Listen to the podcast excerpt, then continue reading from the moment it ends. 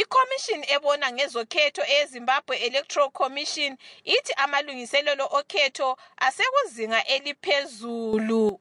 Ukhomishina wezek udokotela qhubani moyo uthi abantu abazavotisa sebesendaweni lapho abantu abazavotela khona njalo lakho konke okufunakalayo sokwenziwe. Sifike emaphethelweni ama imaterial yonke yokuvotisa isihambile endaweni zonke la kuvotelwa khona kuma-polling station eh le include ama-ballot papers ballot box lama-voters roll alamapikitsha abantu ama-polling officers lamapholisa e-zrp lama-polling agents balindile yonke le material eh osokusele ukuthi kusasa umuntu avukele ekuseni kwenzela ukuthi ngo-seven o'clock ekuseni eh kuyabe kuvulwa abantu abahle bafike baqalise eh, ukuvota uyathwala isithupha sakho kumbe ipassport yakho eh enga-expiranga eh i-driver's license kayivu. Udokotela moyo uthi wonke umuntu kumele avote kusasa.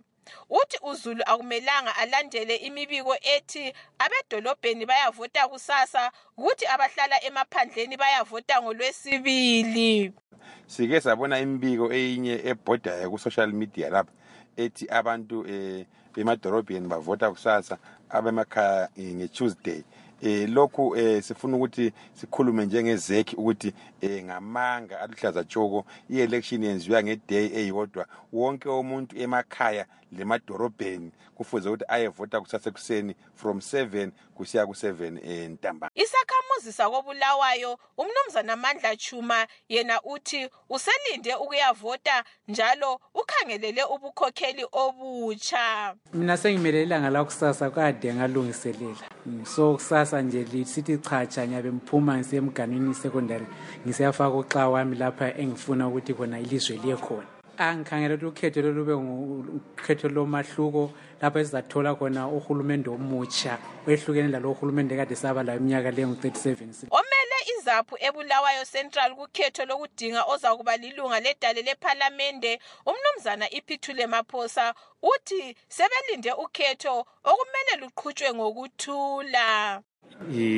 Silungiselele yebo ye uh, kodwa sisebenze ngalokho okukhona uh, sikhangele ukuthi indlela okulungiselwe ngayo ukhetho uh, ikakhulu uh, by izek le government ayihambanga kuhle.